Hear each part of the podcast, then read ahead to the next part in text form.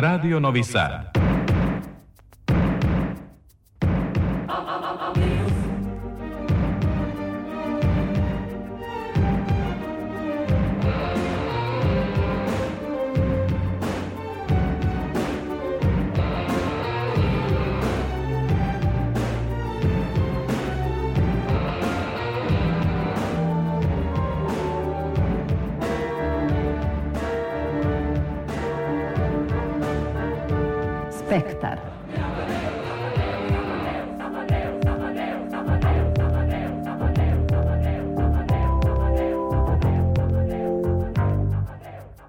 Spektar.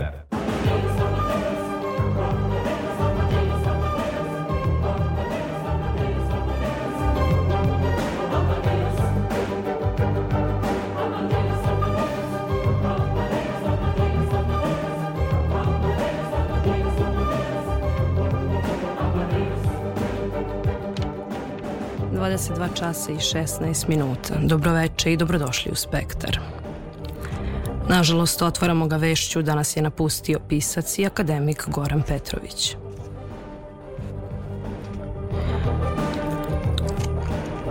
Na književnu scenu stupio je 1989. knjigom kratke proze Saveti za lakši život. Od tada je objavio romane Atlas opisan nebom, Opsada crkve Svetog Spasa, Sitničarnica kod srećne ruke, Papir i ikonostas. Autor je nekoliko knjiga, pripovedaka, zapisa i novele. Mnoga njegova dela su adaptirana za pozorište, televiziju i radio.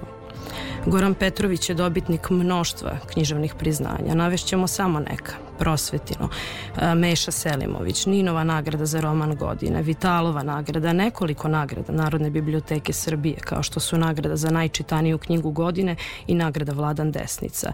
Zatim Borisav Stanković, Ivo Andrić za pripovetku, ali i za celokupno književno stvaralaštvo, Laza Kostić, Zlatna knjiga Matice Srpske, Beogradski pobednik i mnoge druge. Bio je član Srpskog književnog društva i Srpskog pen centra. Za redovnog člana Srpske akademije nauka i umetnosti izabran je 8. novembra 2018. godine. Preminuo je u 63. godini u Beogradu nakon kratke i teške bolesti.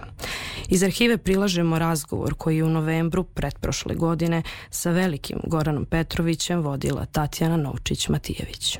Otvoren je roman Delta, okay. najavljivan kao jedan veliki 20-godišnji projekat, dvema, uslovno govoreći, kraćim knjigama, a zapravo je svaka zaokružena za sebe, papir i ikonostas. I zaista tim redom. Kreće priča o romanu Delti iz 15. veka.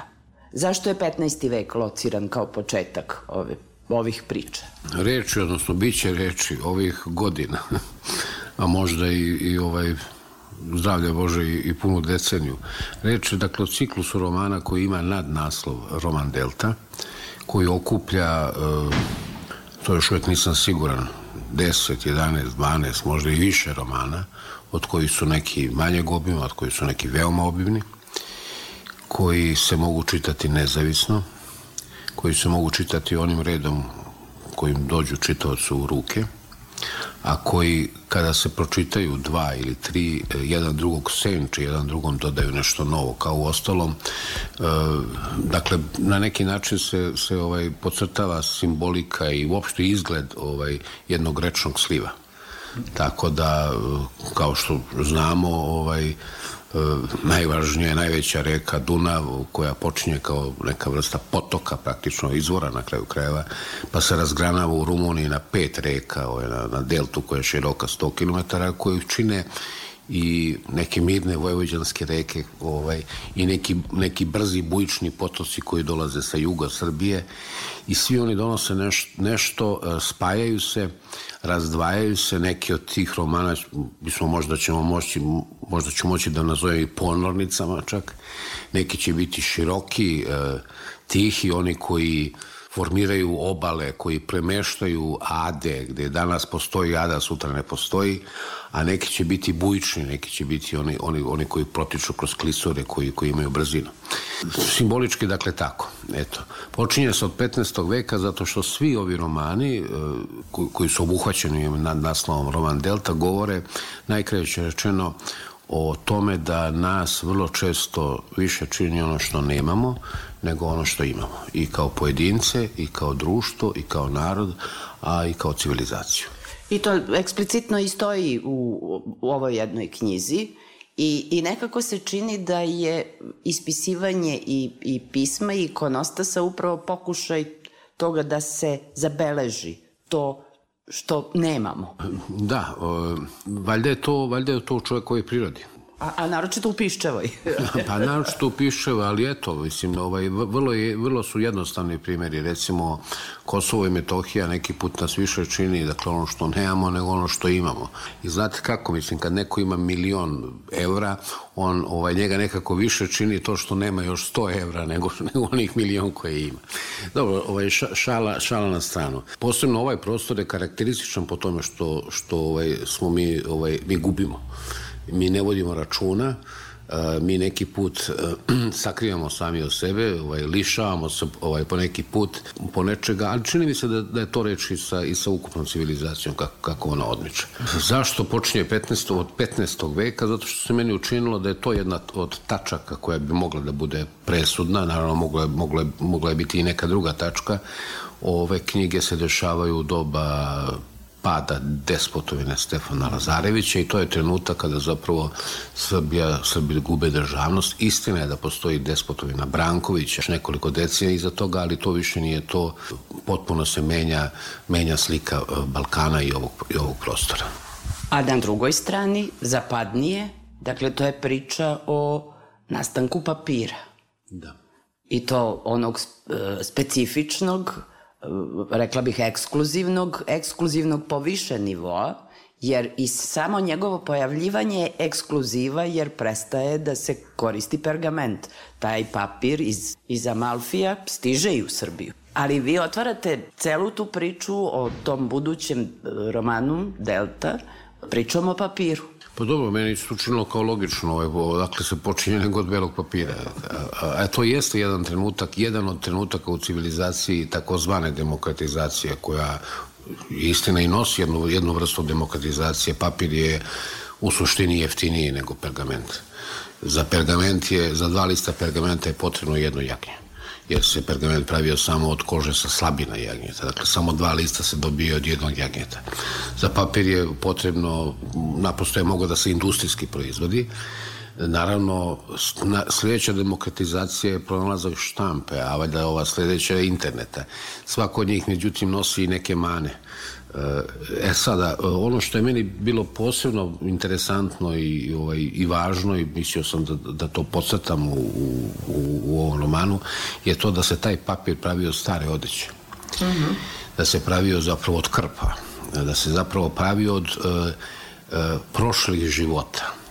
Uh, I književnost na neki način reciklira život i od njega pravi nešto novo. Dakle, u osnovi stoji nešto što je dramatično, što je ima jedno, jedan, jedan, čak jedan jeziv ton, a dobija se papir koji izbilja je taj, ta radionica u Amalfi upravila najbolji papir, papska kancelarija je kupovala papir od njih, da bi se na njemu moglo ispisati nešto što je uzvišeno, nešto što je u ovom slučaju recimo po neki put i lascivno kao što je, kao što je u ovom romanu. On zapravo ima taj ton, ja sam i želeo da on ima jedan ton renesansni, Bokačovski, e, nije još došlo do Cervantesa i do Rable, ali svejedno ton je takav. Za razliku od druge knjige koje ima jedan, to je jedan od kritičara e, primetio, istočnu jednu notu, hagiografsku notu, a opet je to onaj trenutak, podsjećam vas da sam malo pre to rekao, kada Srbija gubi državnost i gubi tu mogućnost da se dodirne sa epohom koju zovemo e, doba humanizma i renesanse, gde je bila gotovo na dodir Ja ne kažem da bi to bilo isto kao u Italiji, ali svejedno u tom trenutku je dakle mogla da se dodirne u ostalom susedna velika država kraljevina Ugarska sasvim je potvrđeno da je u biblioteci ugarskog kralja Žigmunda je postojao, ovaj, su postojale sve knjige na italijanskom koje su se bile, bile ovaj, pisane i u Italiji. Srbija je dakle izgubila tu mogućnost kada je došlo do, do njenog pada. I to se i po jeziku obe knjige vidi. Oni su različiti pripadajući atmosferi tog vremena i u Italiji i ovamo u Srbiji. Dok ta družina ide po taj skupoceni papir i gde ta kraljica Đovana naravno ne preza, ona je vladarka i koristi sve što joj pripada, ne obazirući se na te uzuse pod kojima papir uopšte može da se dobije. Ovamo na drugoj strani u Srbiji taj jedan broj ikona hoda. Zapravo ispisuje jednu čudnovatu geografiju. Do momenta dok se ne spozna činjenica da taj jedan nepoznati svetac ostaje. A zašto je on nepoznat? Pa šta će sad ima da pripadne drugo nego nepoznat svet? Onaj koji oni mogu, možda ne, ne, koji, koji oni ne, ne, ne prepoznaju. Pa dobro, to je jedna, jedna od metafora. Ovaj. Previše je metafora u, da. u ovoj knjizi, iskreno govoreći, da.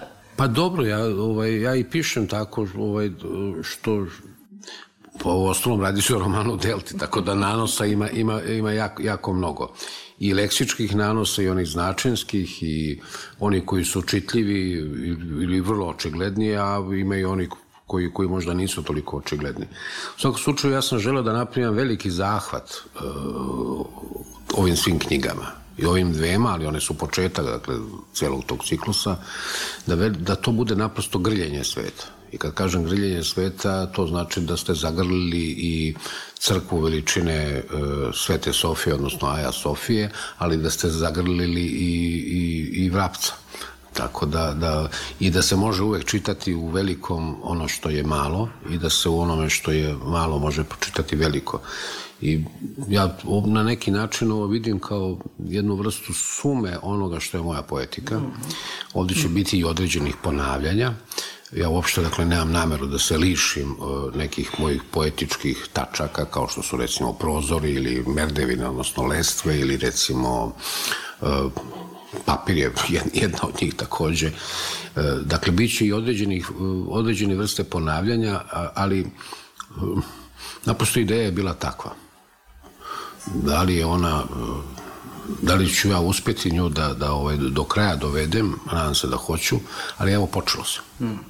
I kažete, ovo su prve dve knjige, već sledeće su, tako reći, pred štampom, ali ili su tu negde u, u završnoj fazi rukopisa? Pa do, ja se nadam da će do, u, u prolećnim mesecima izaći još dve knjige, jedna, jedna, jedna ovog sličnog obima, a jedna prilično obimna, negde oko 600-700 stranica, koja će grliti zapravo ove tri knjige i onda će se promeniti tok uh, da ne otkrivam baš sa sve i doći će se do naših dana. Zapravo većina knjiga će biti, e, će se dešavati u 20. veku i u 21. veku i možda će postojati jedna futuristička knjiga s kojom, s kojom bih verovatno to onda i okončao. Ono što sam želeo da kažem da ne postoji samo popriličan vremenski osjećak od 500 godina, nego da će ove knjige e, biti i geografski raširene. Ponajviše će se zbivati u Srbiji, kad kažem u Srbiji nisam mislio u Beogradu, nego u jednom mestu koje još tek je naznačeno ovim knjigama, ali će se uh, one zbivati u nekim, kao ostalom i, i ovaj papir koji se dešava kompletno u Italiji ili ikonosta se gotovo više od polovine u Grčkoj. Dakle, želim na neki način da obgrlim i svet, uh, da, da ovaj, stvorim jednu vrstu, jednu, jednu vrstu, jednu sliku sveta, jednu literarnu sliku sveta.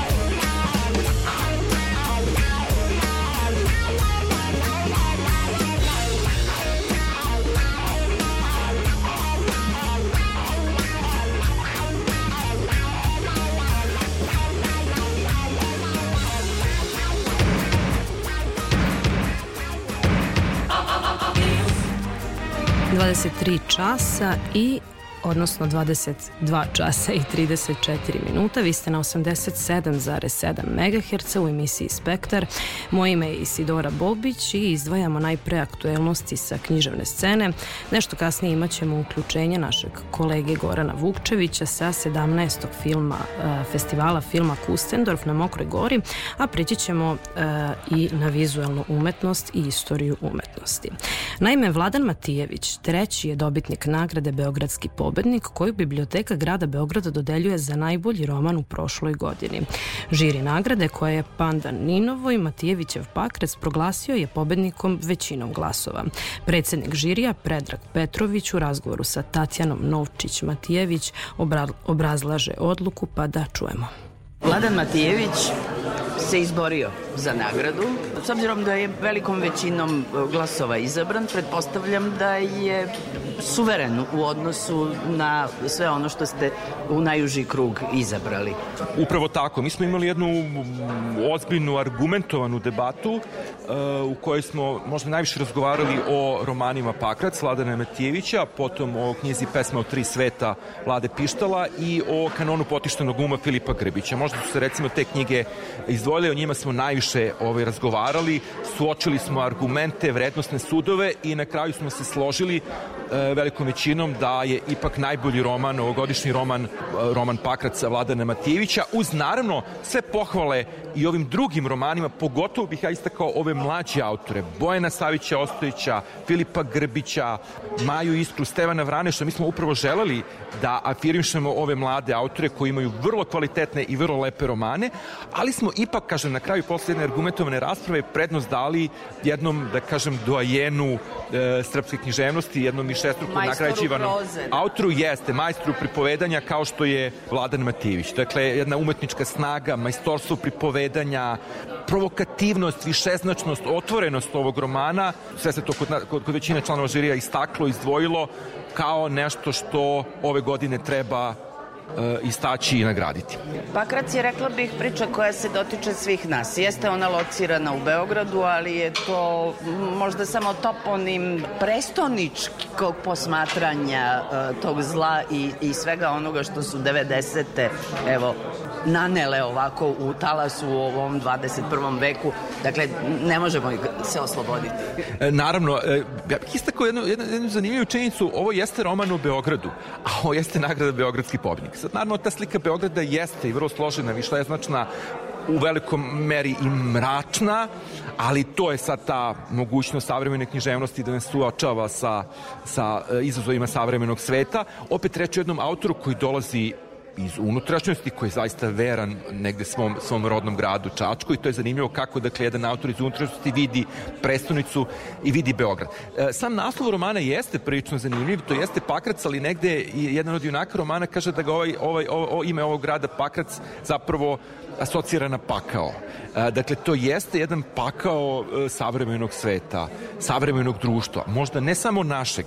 Na kraju romana se pominje, pošto se roman negde završava krajem 2019. godine, pominje se da jel, dolazi neki strašni opasni virus iz Kine, dolazi neka pošast, e to kako se u savremenom svetu sve više otvara nekakvih malih ili velikih paklenih poprišta sa kojima moramo da se, da se borimo i kako konačno i u samom savremenom čoveku postoji nešto teško, demonsko, pakleno, što možda svako od nas u nekom malom procentu ovaj, ovaj nosi. Ovde je naravno reč o jednom junaku kod koga je sad to zaista pakleno, demonsko na neki način eksplodiralo i koji se sa tim suočava, nosi, preispituje i to je, to je zaista bio veliki izazov kako pripovedati, to je zaista veliki izazov kako pripovedati u tim, pogotovo negativnim junacima, ali to je isto imenovano i ona, ona čuvena čar tih negativnih junaka. Dakle, oni zaista nose nešto teško, nešto privlačno, nešto što možda ne želimo da prepoznamo i u sebi i možda su zbog toga oni, oni prično i zaaktivni i atraktivni u ovom, ovim književnim svetovima. U obrazloženju ste rekli da je negde roman Vladana Matijevića na tragu onog iskustva crnog talasa u srpskoj umetnosti i u književnosti i u filmu. Šta vas je ponukalo na, na takvu procenu? Jeste, to je, to je jel, taj crni talas u srpskoj prozi filmu 60. godina. Inače, Vladan Matijević je odličan poznavalac filma i on i u ovom i u svojim mnogim drugim delima ima brojne reference na filmove. On je čak i ima jednu knjigu koja je posvećena tom uh, crnom humoru i crnom talasu u, u srpskom filmu i ta veza je, čini mi se, e, očigledna. Dakle, ta priča o junacima koji negde dolaze sa margine, e, o junacima koji negde kritički posmatraju svet, onda moment crnog humora, groteske, dakle, sve to nešto što njega dovodi u vezu sa iskustvom crnog talasa, ali isto tako i sa jednim autorom koji je jednim delom i blizak crnom talasu, a to je, to je Miodrag Bulatović. Mislim da je Vladan Matijević u savremenoj srpskoj prozi možda najuzbiljniji, najbolji poetički naslednik Miodraga Bulatovića, jer Bulatović u svojoj prozi upravo ima ovakve likove i oblikuje ovakve groteskne, crnohumorne, absurdne, karnevalske svetove koje prepoznajemo i u prozi Vladana Matijevića. Kažem, to je, to je sve vrlo važno zato što se čini mi se uspostavlja taj kontinuitet između ovih dela, recimo Crnog talasa 60-ih, početka 70-ih godina, proze Miodraga Bulutovića sa ovom savremenom e, srpskom književnoću. Dakle, zaista primećujemo u savremenoj književnosti mnoge nove, originalne tendencije, ali prepoznajemo i neke važne kontinuitete. A, referišu se na taj deo tradicije. Naravno, naravno. Što je divno da se oživi i ta Jest, kvalitetna to je. tradicija. Tačno. Hvala vam. na ovom Molim, hvala vama.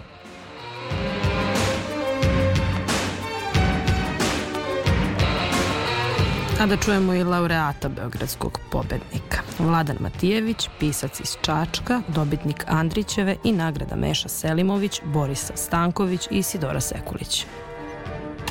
Gospodine Matijeviću, sve čestitke i za ovu nagradu. Sad ste i definitivno pobednik.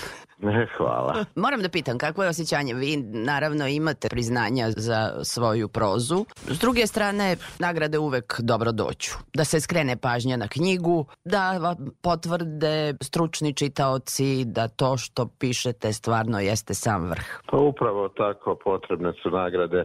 Prvenstveno čovek kada je mlad, onda su potrebne da skrenu pažnju na to što rade i na novo ime, ali kada uđe ovako godine kao ja sada, onda je potrebno uopšte piscu dođe, promeni se čitav svet, dođu drugi čitaoci, dođe drugi mlađi kritičari, dođu i onda promeni se i shvatanje književnosti, poetike i sve i onda je tako starijem piscu ovaj i potrebno da, da vidi da njegovo delo i dalje interesantno i tim novim ljudima koji dolaze, tako da je u stvari i tada potrebna književna nagrada, ali glavno i uvek je u stvari to što neke književne nagrade, a ova je jedna od tih, e, skrenu pažnju na knjigu i knjiga se mnogo više čita i mnogo više i u centru pažnje, to se primećuje i to mi kažu izdavači da se više i kupuje i uopšte traži. Kad ste počeli da pišete Pakrac, on je negde, delom se oslanja na, na vaše stvaralaštvo, a delom i ne. Jel bio izazov? Uprkos toj za, Da. zanatskoj veštini. A znate šta, svako moje delo kada se uporedi sa prethodnim delom, onda se kaže da je to zaokret i da je nešto uglavnom se govori da je to drugačije, ali kada se malo odmakne i kada se pogleda sada već ima dosta 12 13 koliko proznih dela i kada se to kada se pogleda u stvari vidi se da knjige imaju sličnosti sa nekim ranijim knjigama. Tako mislim da Pakac ima dosta e, sličnosti, recimo, bar meni, najviše sa, sa knjigom Priča prilično mrtvi iz 2000. godine, tako da nije ovaj baš to skroz zaokret, nego ima dosta, a da ostavimo po strani što je i ta poetika i što je, što je jezik i, i stil slični prethodnim knjigama, ali ajde da kažemo ima i, i mnogo toga novoga, to je može se gledati kao pisano po matrici nekog žanra, noir žanra ili tako, gde ima, naravno ja, ja sam to samo na početku kada sam počinjao, posle sam to, to napustio, ali verovatno se osjeća onaj ko čita ili bar neko. Hvala vam na ovom razgovoru. Naravno, želim vam još puno dobrih knjiga. Čitaoci uživaju u vašim knjigama. Mogla bih Hvala. reći da ste od onih prepoznatljivih pisaca u srpskoj književnosti. Te tako, evo, sad uživajte još malo u nagradi, a onda čekamo sledeću knjigu. hvala, hvala.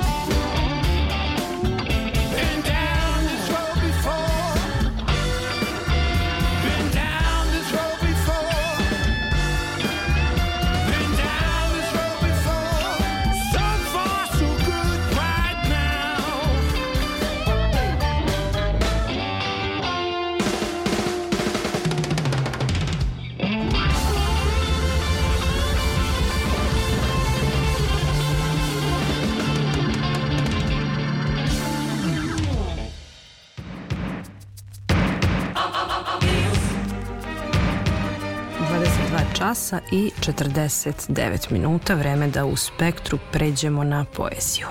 U Kulturnom centru Novog Sada predstavljena je nova pesnička knjiga subotičkog književnika Đorđa Kuburića.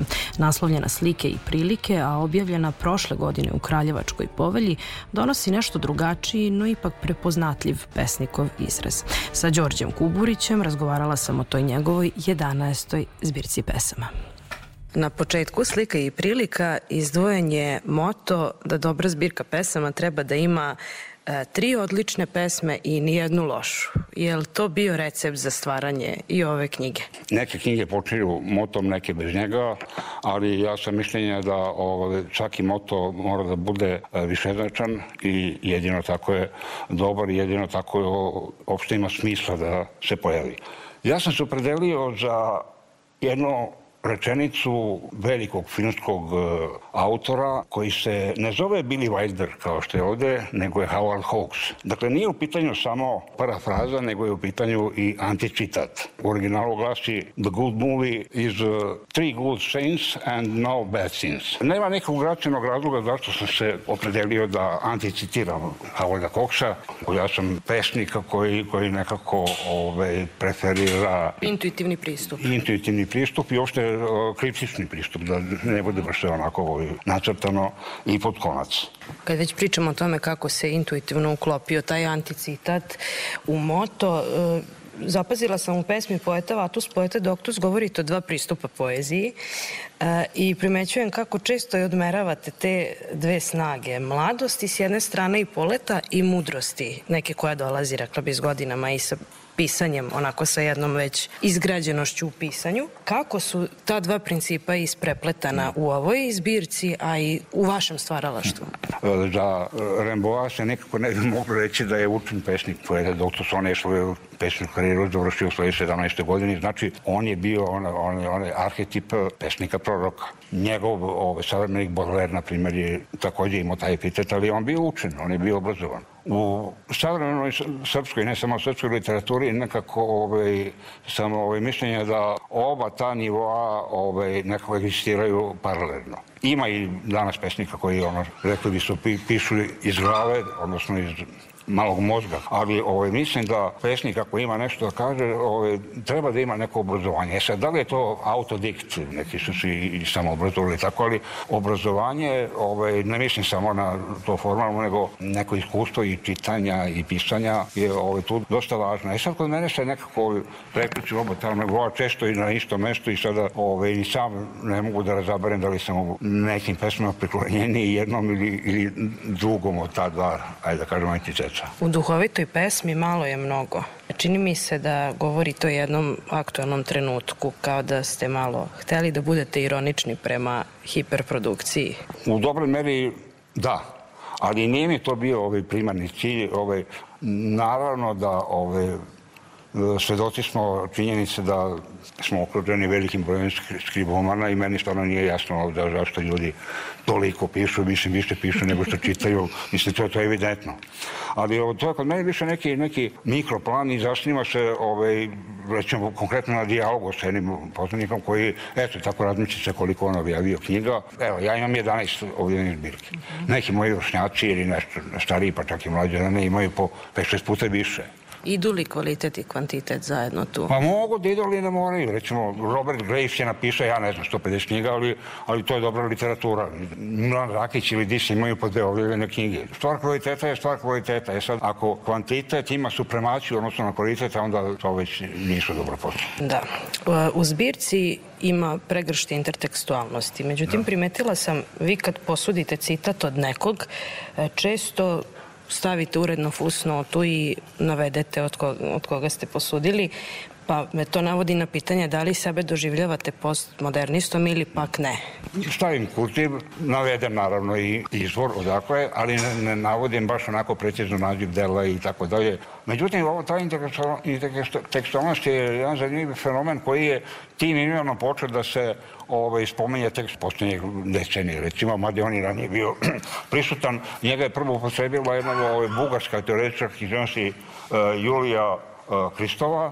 O tome ovaj, dosta i bar piše sad da ne, ne teoretišemo. U mom primeru taj ovaj, interseksualnost je ovaj, prisutna od mog samog početka, mada ja onda nisam znao da se tako zove. A, I to se na, naslanja na ovo što ste mi pitali o postmoderni.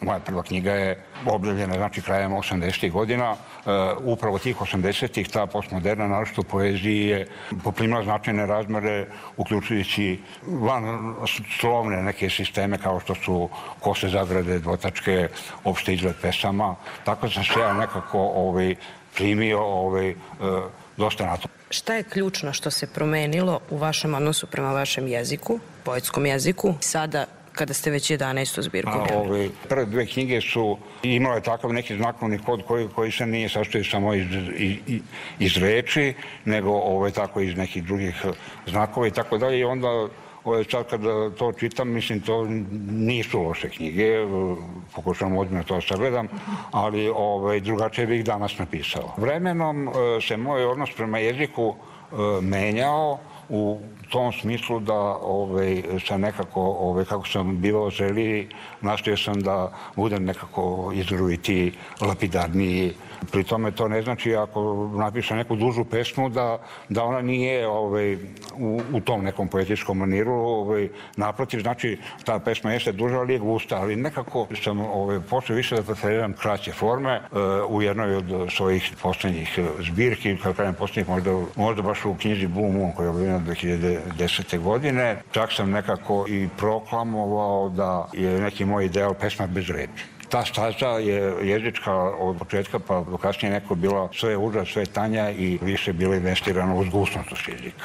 Ja vam želim dobru recepciju zbirke i posvećene čitaoce. Hvala vam što ste govorili za Radio Novi Sad. Hvala vama što ste me strpljivo slušali.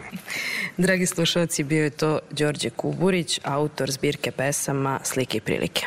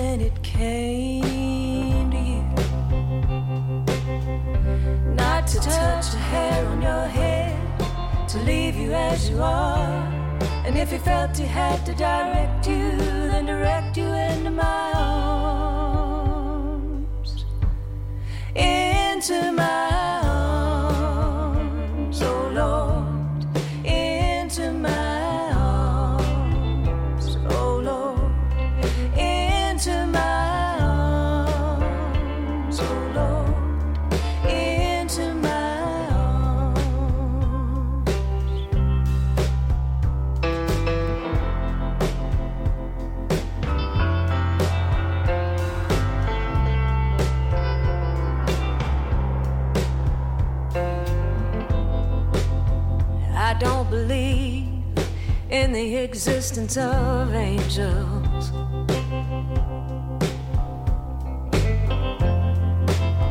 But looking at you, I wonder if that's true.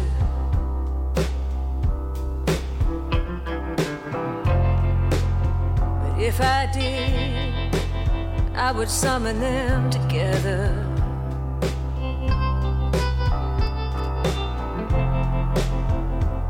And ask them watch over you. To each burn a candle for you, to make bright and clear your path, and to walk like Christ in grace and love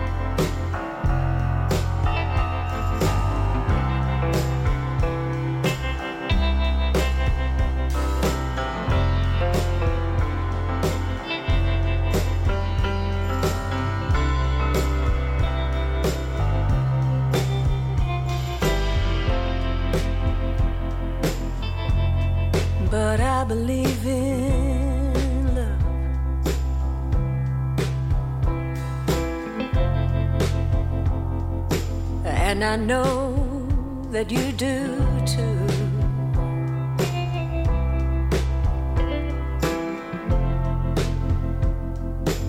And I believe in some kind of path.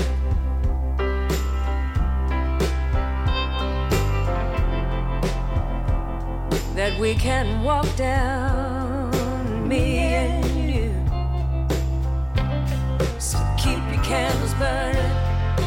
journey bright and pure. That she will keep returning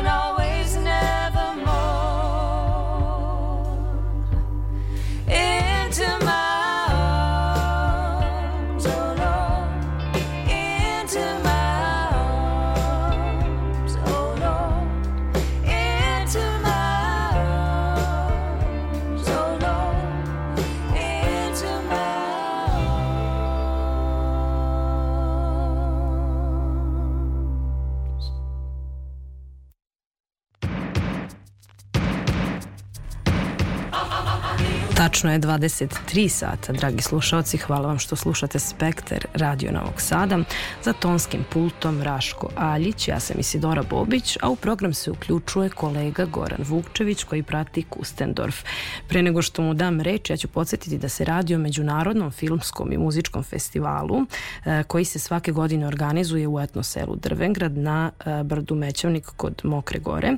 Osnivač i direktor je filmski reditelj e, Emir Kusturica i festival je e, organizovan, odnosno osnovan 2008. sa ambicijom da se mladim filmskim stvaraocima pruži šansa da e, se njihova ostvarenja vide, jel? I zamišljen je kao mesto susreta zapravo e, amatera i studenata i velikana filmske industrije. Gorane, da li se čujemo?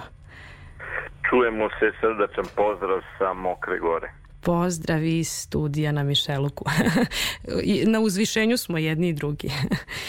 Tako je. ka, kakvi su utisci, ajde da te pitam ovako najpre generalno, um, i u kojoj etapi se sada festival, šta se sada trenutno dešava, u kojoj je fazi? Pa upravo smo odgledali e, svih 17 e, filmova ove godine, znači u tri večeri su bili raspoređeni e, filmovi u konkurenciji, njih je 17 e, na 17. Kustendorfu iz ukupno 16 zemalja, e, dakle kratkometražni filmovi, dokumentarni igrani koje su predstavili e, većinom studenti akademije. E, Što se tiče e, gostiju, možda bi neko bio razočaran ko očekuje glamurozne glumačke zvezde, toga nema već neko vreme na Kustendorfu, e, ali svakako je Mateo Garone veliki reditelj. I samo da podsjetim Njegov film je nagrađen nagradom za režiju e, na protegloj Moskvi venecijanskoj.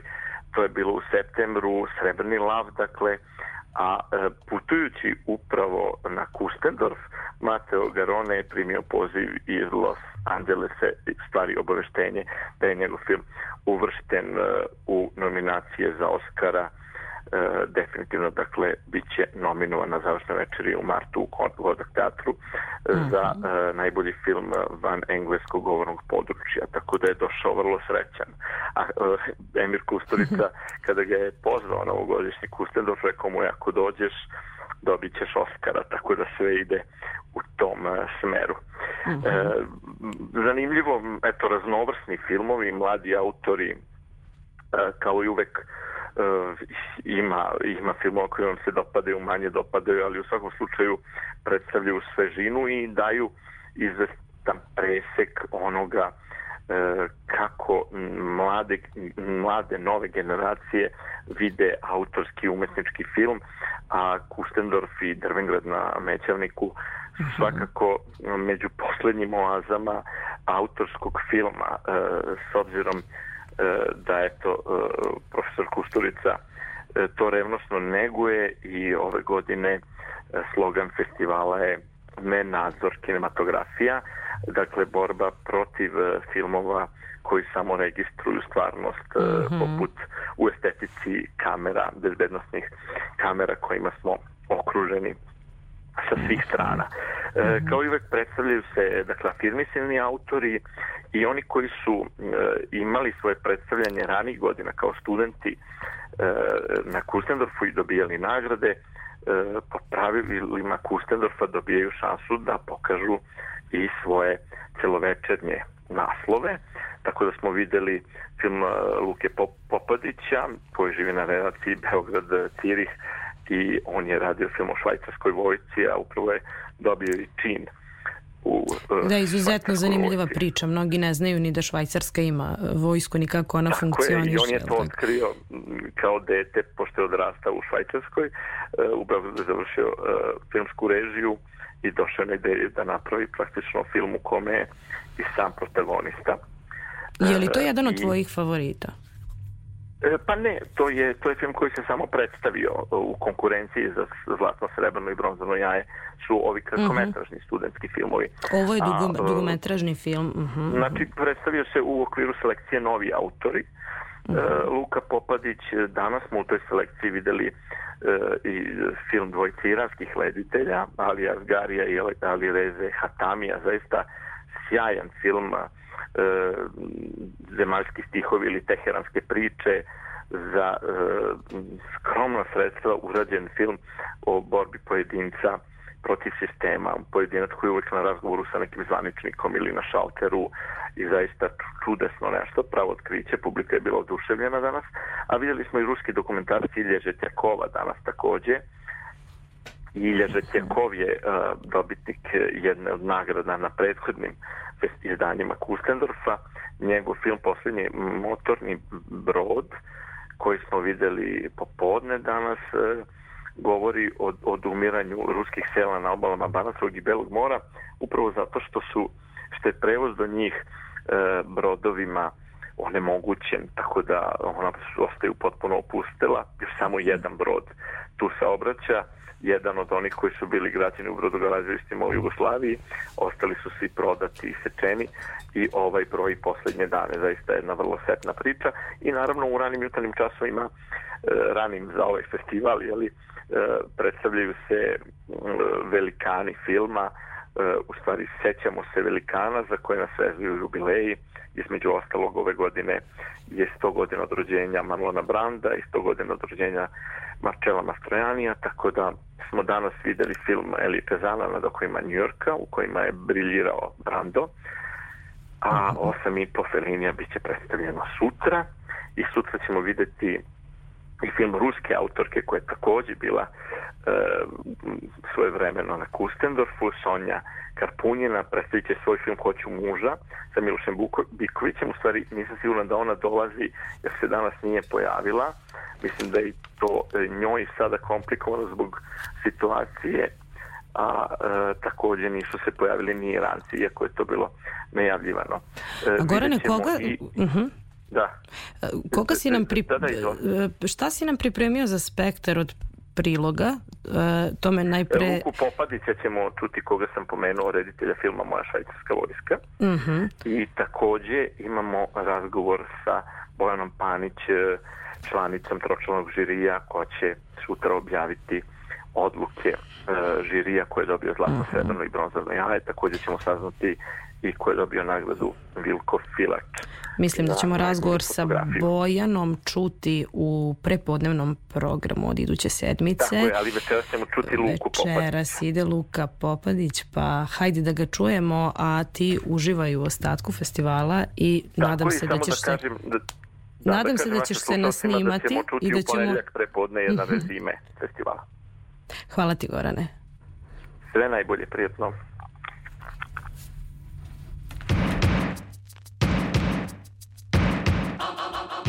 Kako je nastao film Moja švajcarska vojska?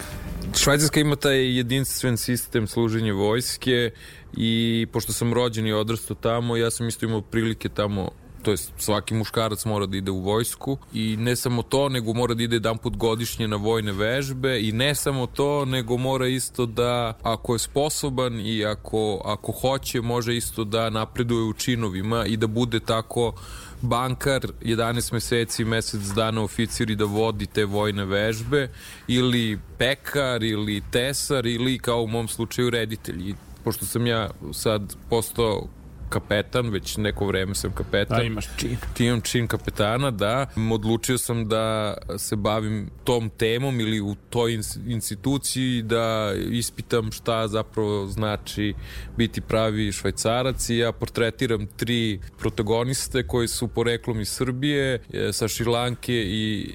Koji nisu izvorno iz Švajcarske. Da, koji nisu izvorno iz Švajcarske i tako na neki način reflektujem i moj, moju ličnu priču preplićaš sa njihovim. Da, i preplićem sa njihovim pričama, da. A kako su reagovali u švajcarskoj vojci kad si rekao uh, da ćeš raditi ovakav jedan film, ipak ti zadireš u jednu instituciju ozbiljno? Vrlo švajcarski su reagovali, ja sam prišao njima sa jednim mailom, rekao sam im čim se bavim, e, koji sam čin, oni su to primili k znanju i pozvali me jedno tri meseca kasnije na razgovor, dva meseca kasnije sam dobio pismo da će oni da podrže taj projekat zato što veruju da je švajcarska vojska kao i svaka druga institucija jedna institucija koja treba da bude otvorena za diskurs. Mislim, oni mi nisu dali nikakva novčana sredstva ili logističku podršku bilo na kakav način, ali su mi prosto otvorili vrata da mogu da snimam vežbe i da mogu prosto da, da budem tu prisutan i da lovim trenutke. I to sam na kraju uradio i, i, i, i bili su na premijeri i došao je E, sad je bila velika premijera u Švajcarskoj, došao je glavni komandant švajcarske vojske, što je bilo onako velika čast za sve nas i svi smo bili malo, da, baš smo bili počastovani, uzbuđeni, da, i, i, i došao je onako u paradnoj uniformi i, i rekao je kao podržava film, naravno ima tu i smešnih trenutaka. Ja sam se trudio ni na koji način da upirem prst ni u koga, nego prosto kroz neki humor, tu neku iskrenost da probam da ispričam neke stvari i ja se nadam da sam u tome uspeo. I, e, film je onako prožet potpuno životnim situacijama ima i tu zanimljivu e, tvoju ličnu priču e, rano si izgubio roditelje i ta priča koja mi nije bila poznata to je da da se u suštini posle 25 godina groblja poništavaju. E, to je druga priča, ali ja sam za to da, da ne spojlujemo publiku, da ne odamo neke e, tajne, e, tako je, nego tako je, da, treba da, da, vide da, film. da treba da vide film. Tako je, tako je. A kad će imati priliku da ga vidi publika u Srbiji? Ja ne znam, ja čekam sada odgovore nekih drugih festivala, ja se nadam da će toga da bude uskoro opet. Tako da ne, za sad ne mogu ništa da kažem, ali Bože zdravlja, bit će uskoro Ja se nadam. Ja ti želim puno uspeha. Hvala lepo. Ovo je bio reditelj Luka Popadić koji je uh, iz Ciriha, a svoj film Moja švajcarska, švajcarska vojska predstavio je na 17. Kustendorfu. Hvala ti Luka što si govorio za Radio Novi Sad. Hvala vama. Fighting back is the new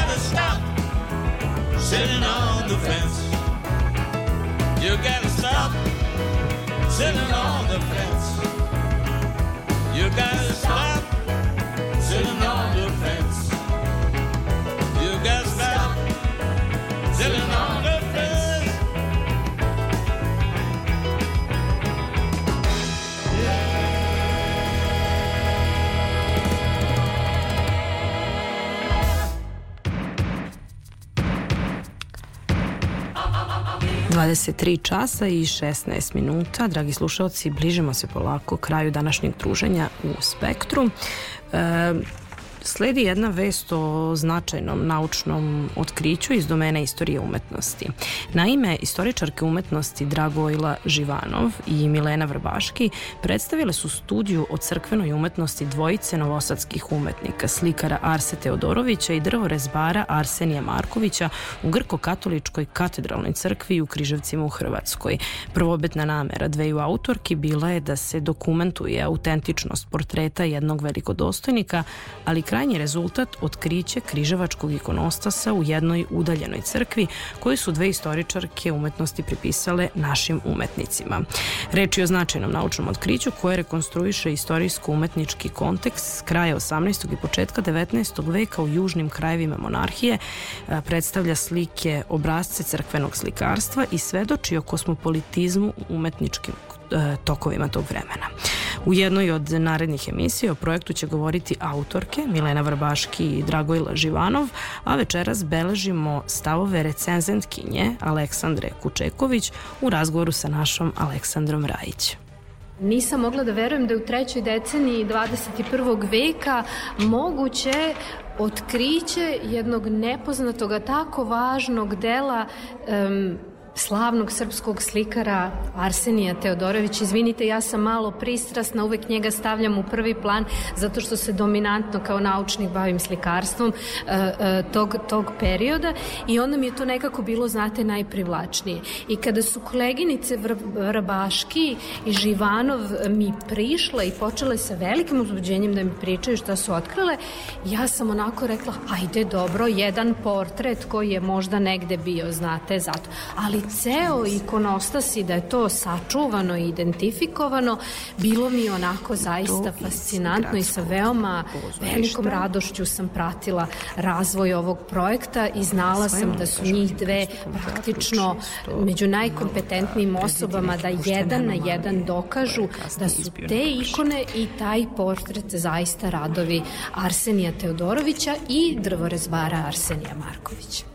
Kakve su uopšte veze dva novosadska umetnika iz tog perioda, neke pravoslavne orijentacije ili provenijencije i grko-katoličke crkve u Hrvatskoj? Kao što su koleginice e, Vrbaške i Živanov vrlo, vrlo e, značajno istakle u svojoj monografiji, to je bilo upravo umetnost i stilske karakteristike njihove umetnosti koje su oni nudili svojim poručiocima. Ne treba zaboraviti da je Arsenije Marković prvak našeg klasicističkog drvorezbarstva, odnosno vajarstva, znači u punom rasponu zapadnoevropskih tada aktuelnih motiva u toj umetnosti, a da je Arsenije Teodorović slikarstvo završio na Bečkoj likovnoj akademiji.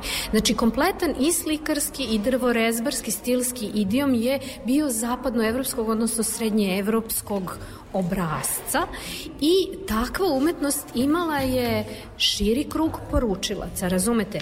Kada su u pitanju grko-katolici, obred u grko-katoličkoj crkvi, kao što verovatno vaši slučajci znaju, se je uh, u potpunosti, uh, kako da kažem, vizantijski, odnosno istočnjački i crkve se uređuju, imaju ikonostase, imaju propovedaonice, imaju pevnice, imaju arhijerejske tronove, znači sve što jedan pravoslavni slikar i drvorezbar rade za pravoslavnu crku, isto tako će i za grko-katolike, ali i za same katolike gde se crkveni interijeri opremaju drugačije i potrebe, to slikarstvo je vrlo lako i drvorezbarstvo moglo po svojim motivima i stilskim karakteristikama da bude prilagođeno, što znači da su naše dvojica sposobnih umetnika, pravoslavne, srpskih umetnika imala um, svojim kvalitetom širi krug naručilaca i među inovernicima.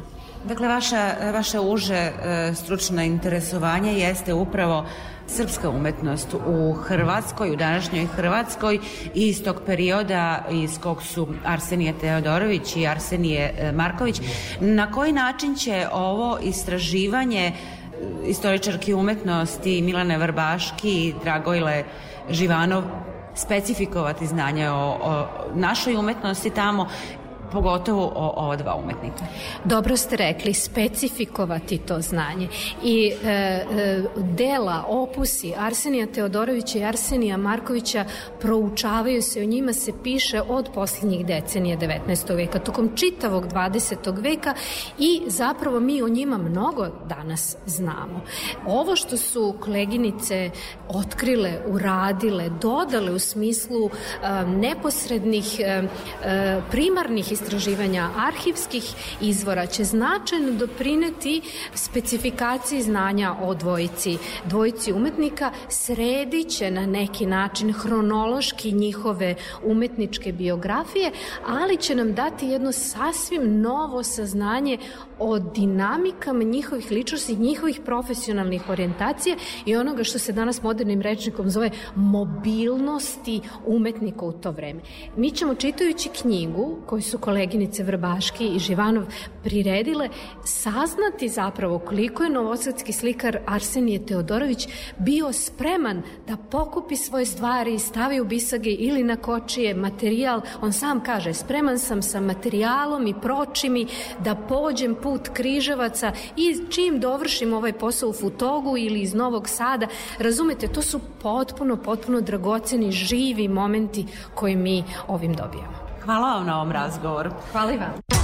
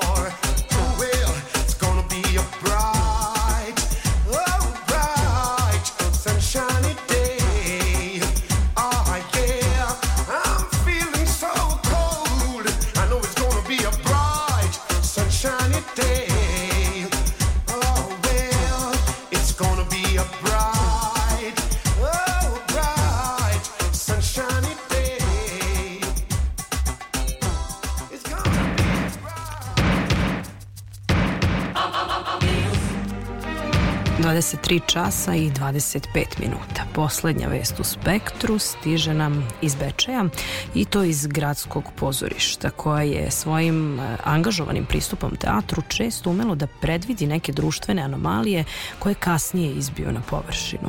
Bečejski dramski studio iznedrio je generacije i generacije glumaca koji su pronašli svoje mesto na vojvođanskoj pozorišnoj sceni.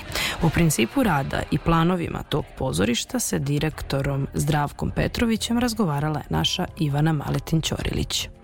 Gradsko pozorište u Bečeju odavno je prevazišlo okvire klasičnog pozorišta i preraslo iz nekadašnjeg Doma kulture i Centra za kulturu Vuk Karadžić u Centar za kulturu ovog mesta. Kako je došlo do te tranzicije? Pa hvala vam na toj primetbi, da kažem, na, na toj oceni. Jeste gradsko pozorište, ali kao što ste rekli, jeste koncipirano kao kulturni centar ili centar za kulturu, u tom smislu što ne, nisu nam fokusu samo pozorišne predstave. One jesu naravno na, na, najvažniji segment našeg, naše produkcije, našeg poslovanja, ali ovde je zapravo prostor i za projekcije filmova i 3D filmova i onih filmova koje, raznih omaža koje pravimo zahvaljujući tome što imamo multifunkcionalan prostor, multipraktičan prostor i koristimo različite, da kažemo, delove. Pa sad imamo i veliku salu u kom se dešavaju filmovi, u kom se dešavaju naravno pozorišne predstave, u kom se dešavaju koncerti, imamo pozorišni klub gde se opet održavaju i različite predstave, i knjižene večere, i razgovori, i tribine, pa čak, dakle, predstave, pa opet imamo uh, baštu, imamo galeriju krug, dakle, to je više prostora koje koristimo i samim tim i delatnosti našeg gradskog pozorišta su raznovrsne, pa zato imamo i izložbe i sve ovo da se ne ponavljam nabrojeno. U tom smislu, kao što ste rekli, da prevezilazi okvire samo pozorišta i možda bismo najbolje, možda kažem da ovo jeste u stvari neki veliki centar za kulturu. Gradsko pozorište u Bečeju počelo je sa radom kao amatersko dečije pozorište, potom ste napravili iskorak u profesionalne vode i postali jedno pozorište koje je prepoznatljivo i kao angažovano e, pozorište. Koliko je bio težak taj iskorak i gde se sada pozorište nalazi? To je zapravo dug proces. E, mi nismo zvanično profesionalno pozorište u smislu da imamo profesionalni ansambl. Imamo uh, glumce koji su naplati, glumci koji su angažovani. Naravno, nemamo sad ansambl, ne znam koliko glumaca, nemamo kostimografe, scenografe i tako dalje, ali zapravo veliko pitanje iskreno da li nam to i treba. Zbog toga radimo sa ljudima koji su pre svega izašli iz Bečeja, iz Zdranskog studija mladih, uh, koji su ponikli odavde, završili akademije i eto vratili se ne na neki način, na najdirektniji način se vratili u, u pozorište s kog su potekli. To je zaista prelepo osjećaj, nekako za to smo i živeli. Kada smo o tome maštali pre 10, 12 ili više godina, kada smo govorili da ćemo da napravimo profesionalno pozorište, neki su rekli, ma da, kao, da li je to moguće, da. Dakle, nije ovo profesionalno pozorište u onom smislu kao što su neka druga pozorišta, ali da, mi imamo profesionalne produkcije, isto kao što imamo i odličan, odličan dranski studij i deči studije i samim tim saradnji sa drugim pozorištima iz Vojvodine e, počeli smo da radimo te profesionalne produkcije. To je taj put koji smo sebi zacrtali. Dakle, ne može se odjednom ni otkuda pojaviti i reći ja hoću sad da budem ne znam, nekako pozorište, profesionalno pozorište, to je nemoguće. Trebalo i gradilo se to poverenje malo po malo. Uh, po mom mišljenju, pre svega izborom saradnika.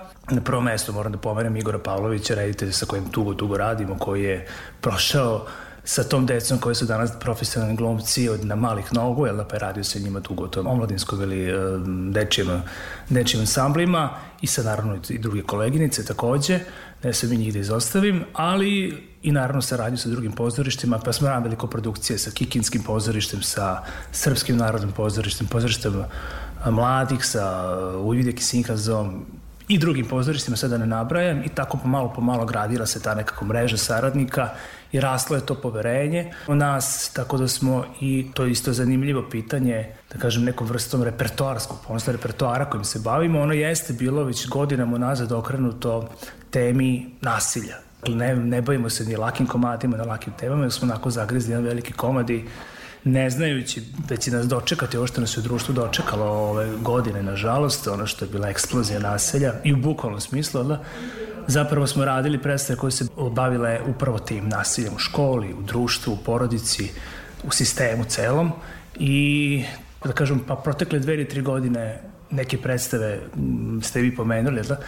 odnosno u našem razgovoru pre ovoga kao što je Gideonov čvor, kao što je predstava 2.14, pre toga razredni neprijatelj, pa čak i predstava za decu koju smo radili, to je Agi Ema i ona se bavi na neki način vršnjačkim nasiljem. Tako da me to jeste u fokusu poslednjih nekoliko godina i eto, te predstave se igraju, izvode se često i na scenama van Bečeja i što je naravno veliki uspeh i veliko zadovoljstvo za nas. Jednostavno u razgovoru, kao što je rekao, sa rediteljima i sa našim glumcima i pažljivo biramo kome, da upravo sad radimo na tome, mogu da najavim na neki način u saradnji sa e, Narodnim pozorištem Toša Ivanović iz Zrenjanina, tu su neki razgovori o budućoj saradnji, planiramo jednu koprodukciju. Ne, baš smo sad u toj fazi da mi predlažemo, oni predlažu njihov umetnički direktor je Bojan Žirović i Dejan Karlačik, njihov sadašnji LD upravnik i eto, neki način ja i Igor Pavlović, reditelj koji će raditi predstavu. Upravo smo sad u fazi pronalaženja adekvatnog teksta, šta ćemo da radimo, tako da to je jedan proces koji traje negde da bismo za drugu polovinu godine imali spremno.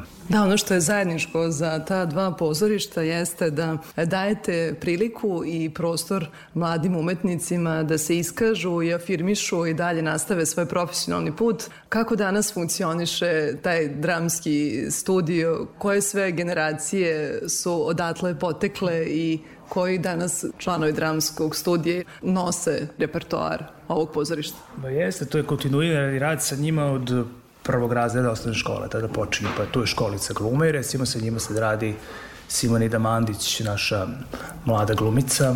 Pre toga je radila, nažalost, pokojna koleginica, uh, koleginica Mirjana Kuzmanović-Kolondžić, pa se u onda onom uzrastu od petog do osmog razreda radi jedna druga, druga Neta Tucakov, takođe naša saradnica i onda Igor Pavlović, je da pomenuti glumac Srpskog narodnog pozorišta, inače reditelj, radi sa njima od srednje škole. Znači oni imaju od prvog razreda pa nadalje i taj, taj dramski studio mladih, dakle od neke 15. godine pa sve do 27. 8. dokle tela se gleda neki taj uzor za mlade, rade, rade sa njim ili sa nekim drugim autorima i tako da oni imaju kontinuirani rad godinama. Pored toga, mi imamo jedan veliki festival kao što su majski igre.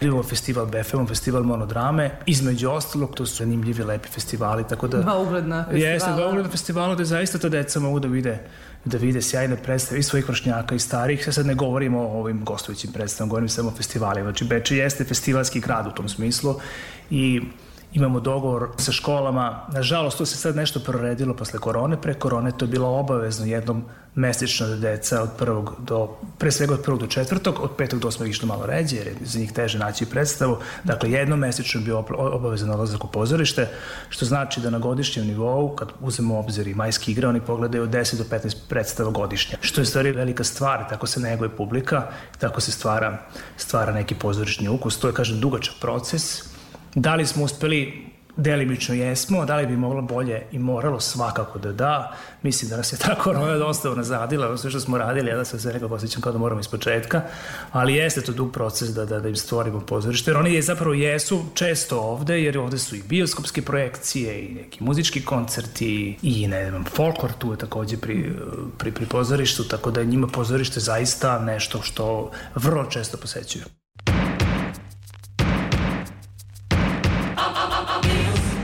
Bilo je to sve, dragi slušaoci, od priloga u današnjem spektru, kog je tonski realizovao Raško Aljić.